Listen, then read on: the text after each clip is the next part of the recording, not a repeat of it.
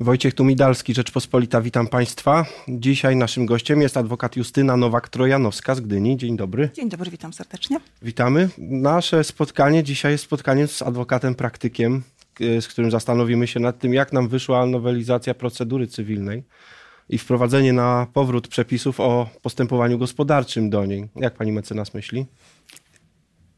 Aby powiedzieć w skrócie, nie jestem specjalną entuzjastką powrotu mhm. tych e, przepisów do kodeksu postępowania cywilnego. Ktoś już kiedyś tą drogą poszedł. Te przepisy istniały w kodeksie postępowania cywilnego w podobnym kształcie, nie identycznym jak teraz. Oczywiście. Od 1989 roku do 2012. I ktoś w 2012 roku, zresztą w mojej ocenie bardzo słusznie stwierdził, mm, iż tak naprawdę są one zbędne. To znaczy, one nie spełniają funkcji, dla której zostały powołane. E, Bo zostały powołane do tego, aby obrót gospodarczy w istocie rzeczy przyspieszyć i również na tym etapie postępowania sądowego przedsiębiorcy nie musieli zbyt długo czekać na wyrok. I co się okazało wtedy, że nie za bardzo to wychodzi, tak? Tak, tak się okazało. Natomiast statystyki, które były przeprowadzone na potrzeby tej nowelizacji, która miała miejsce w zeszłym roku, wskazały, iż jednak te wszystkie wskaźniki się pogorszyły na przestrzeni tych lat. Natomiast co badano? Mhm. Badano po pierwsze ilość wnoszonych spraw na przestrzeni od 2012 do 2018 roku, długość trwania średnią postępowania w sprawach gospodarczych e, oraz tak zwaną przewłokę, czyli mhm. to o ile sprawa w sądzie się opóźnia. Wszystkie te czynniki wyszły na niekorzyść, czyli z biegiem czasu jakby ta tendencja była no powiedziałabym, negatywna, tak? Mhm. Mm, natomiast w mojej ocenie nikt się nie pochylił nad tym, dlaczego tak się dzieje. Mhm. Bo jak pani myśli, dlaczego? No bo to jest rzeczywiście kluczowe pytanie. No, co tu zmienić, żeby było lepiej? Tak naprawdę, w mojej ocenie, zaczęto e, leczyć u pacjenta skutki, mhm. a nie przyczyny choroby. Gdzie jest przyczyna? Przyczyna jest w, po pierwsze, w tym, iż obrót gospodarczy jest coraz żywszy, mamy coraz więcej przedsiębiorców, coraz więcej e, stosunków prawnych, coraz więcej podmiotów działających w Polsce, podmiotów polskich, zagranicznych, przedsiębiorców małych i dużych.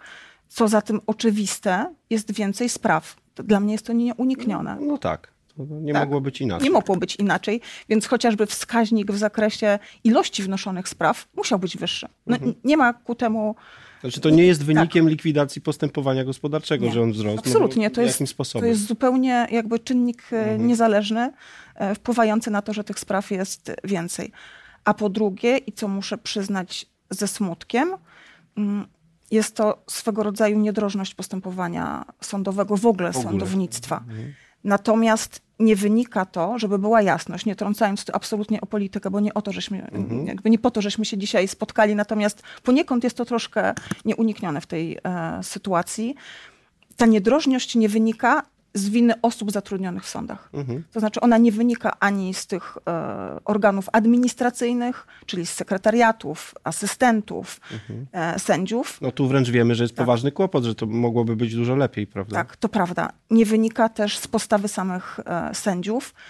Mm, jestem w sądzie mhm. średnio 4 dni w tygodniu. Czasami zdarza się, że jednego dnia jestem na rozprawach e, mhm. kilka razy.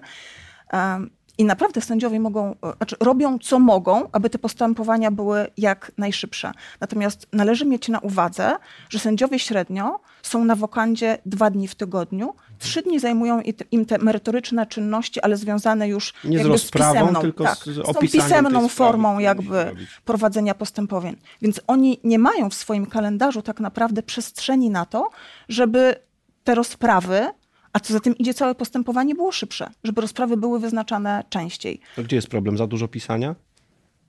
Nie, myślę, że za mało, wbrew pozorom, tej merytorycznej kadry w sądach. Aha. Sądziowie nie są w stanie przerobić takiej ilości spraw. Ale ma pani mecenas na myśli sędziów, czy, Sędziów, czy, czy całą, asystentów, e, całą. Że, tam, że tak powiem, całą tę otoczkę Całą wokół otoczkę, sędziego? całą otoczkę. A sędziów wystarczy, czy pani zdaniem powinno być ich więcej? Powinno być ich więcej. Jeszcze więcej. Jeszcze więcej. Jesteśmy krajem, w którym mamy olbrzymią ilość sędziów. Ja wiem, natomiast no, z jakichś powodów e, ten aparat jest e, e, niewydolny. Tak? Sami sędziowie z kolei wskazują, że kognicja jest źle ukształtowana, że oni zajmują sprawami, którymi sędziowie nie powinni się zajmować, bo może są albo może wartość sporu jest zbyt niska i, i gdyby te odebrać, to wtedy by sobie poradzili. No, ta nowelizacja wprowadza jeden taki przepis, Mhm. iż powództwo może być jakby e, oddalone Mhm.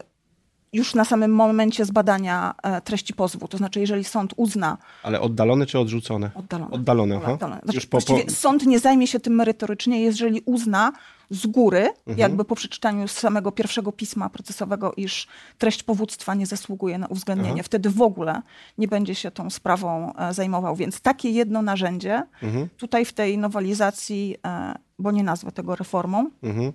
E, w tej nowelizacji e, zostało e, uwzględnione. Mhm. Mm, No, no tak, no to to mamy... Nie jest to, nie jest to No, ale generalnie nie przekonuje rozwiązanie. to pani mecenas co do trafności tej nowelizacji, jak rozumiem. Nie, ponieważ tak naprawdę. mm,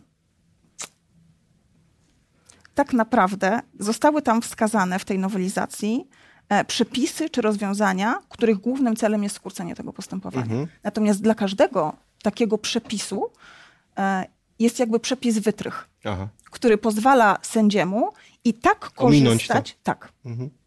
Więc przy takiej ilości spraw w referacie, kiedy sędzia na przykład ma 200 spraw, Aha. 300 spraw, e, on będzie musiał znaleźć sposób na to, żeby jakby stricte nie trzymać się tych terminów, które są wskazane Mhm. w kodeksie postępowania cywilnego po nowelizacji. E, Jakby z praktyki swojej, bo e, większość tych przepisów weszła jednak No w listopadzie zeszłego roku. Już mamy trzy miesiące, Tak. prawda? Część weszła w sierpniu, Aha. tak? ale te najważniejsze, można powiedzieć, weszły w listopadzie e, zeszłego roku. Widzę, że sędziowie bardzo, ale to bardzo przestrzegają terminów dotyczących e, sporządzenia uzasadnienia postanowień, generalnie Mhm. orzeczeń.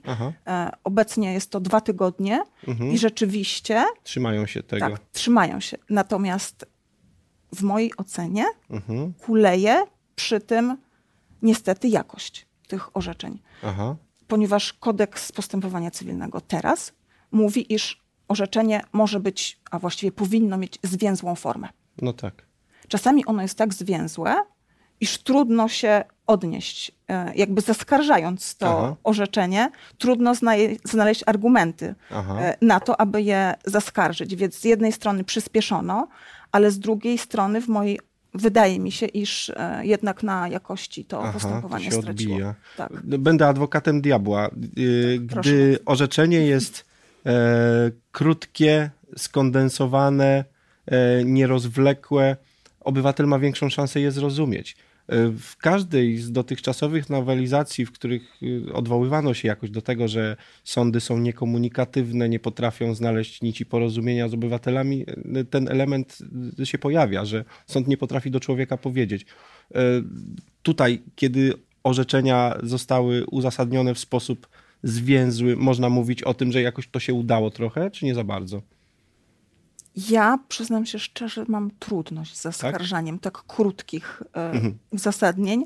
To rodzi problem dla profesjonalnego pełnomocnika, który kolokwialnie rzecz mówiąc musi się czegoś uczepić w No tak. uzasadnieniu. No taka jego praca. Tak, taka jego praca. I im ono jest dłuższe, im więcej Tym ma łatwiej, tej treści. jasne. Tak, tak. Mhm. Ale y, przyznam się, nie wiem, czy to ułatwia tak naprawdę Mhm. zrozumienie przeciętnemu obywatelowi, który e, otrzymuje takie uzasadnienie do ręki. Nie powiedziałabym. Mhm. Nie. nie. Nie, akurat tego skutku e, Szkoda.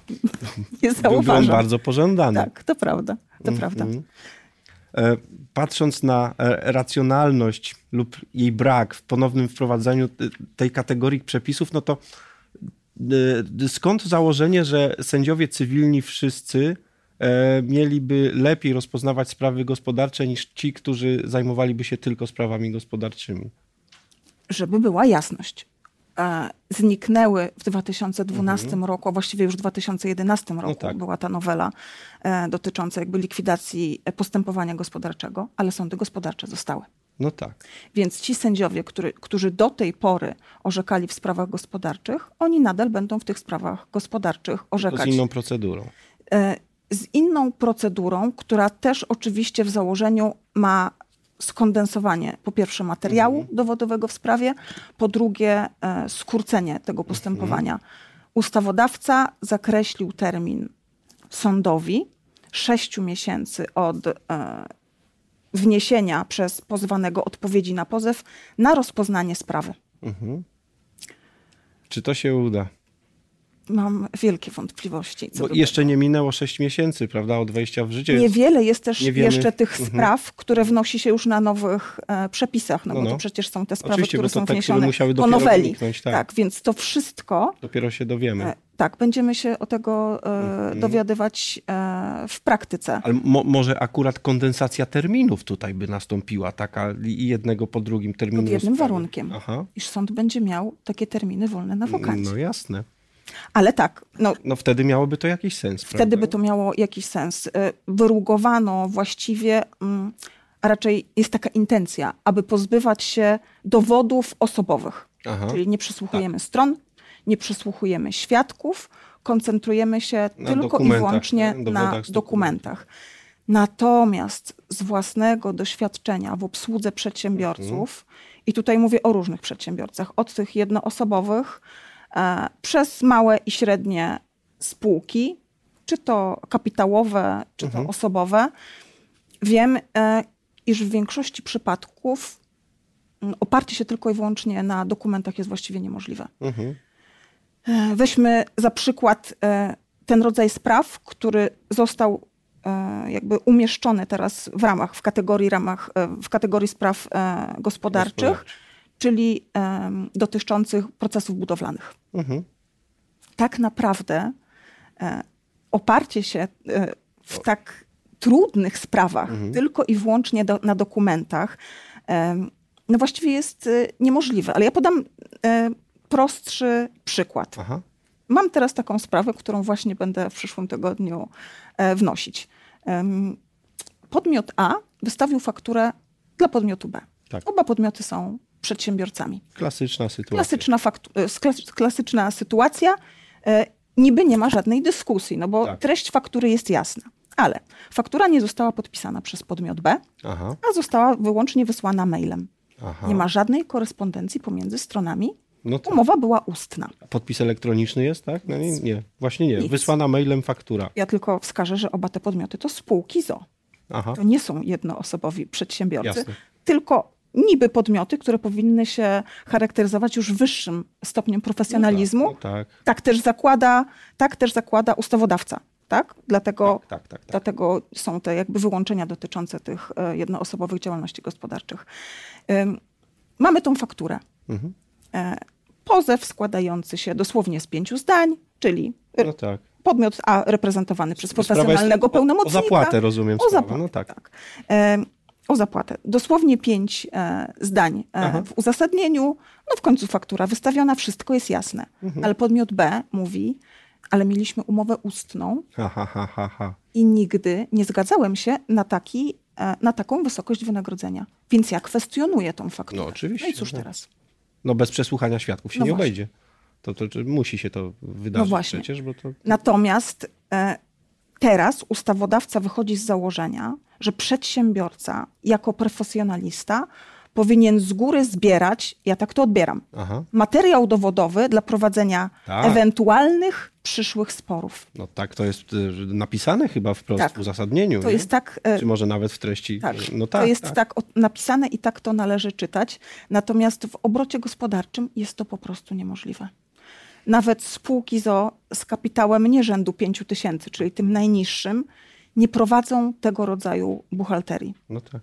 E, poza tym wiązałoby się to dla takich spółek z wysokimi kosztami obsługi prawnej. Jasne. Bo każda taka spółka w istocie powinna wtedy zatrudniać tak zwanego in-house'a. Czyli powinna mieć albo kancelarię, albo no, prawnika. jakkolwiek bądź, tak? jakiegoś mhm. prawnika, który będzie kolekcjonował z każdego tak naprawdę stosunku prawnego no tak. powstałego z innymi Gromadził podmiotami. dokumentację finansową, księgową, każdą. No, no, każdą. Poza tak. tym fotograficzną. No, no bo jasne. jeżeli mamy mm, spółki zajmujące, zajmujące się tak zwaną budowlanką, tak? czyli wykonujące duże bądź mniejsze inwestycje, to jakby nakłada na nie od początku konieczność dokumentowania całego procesu budowlanego. Czy to w obrocie prawnym jest możliwe? Ho, ho, ho. Właśnie.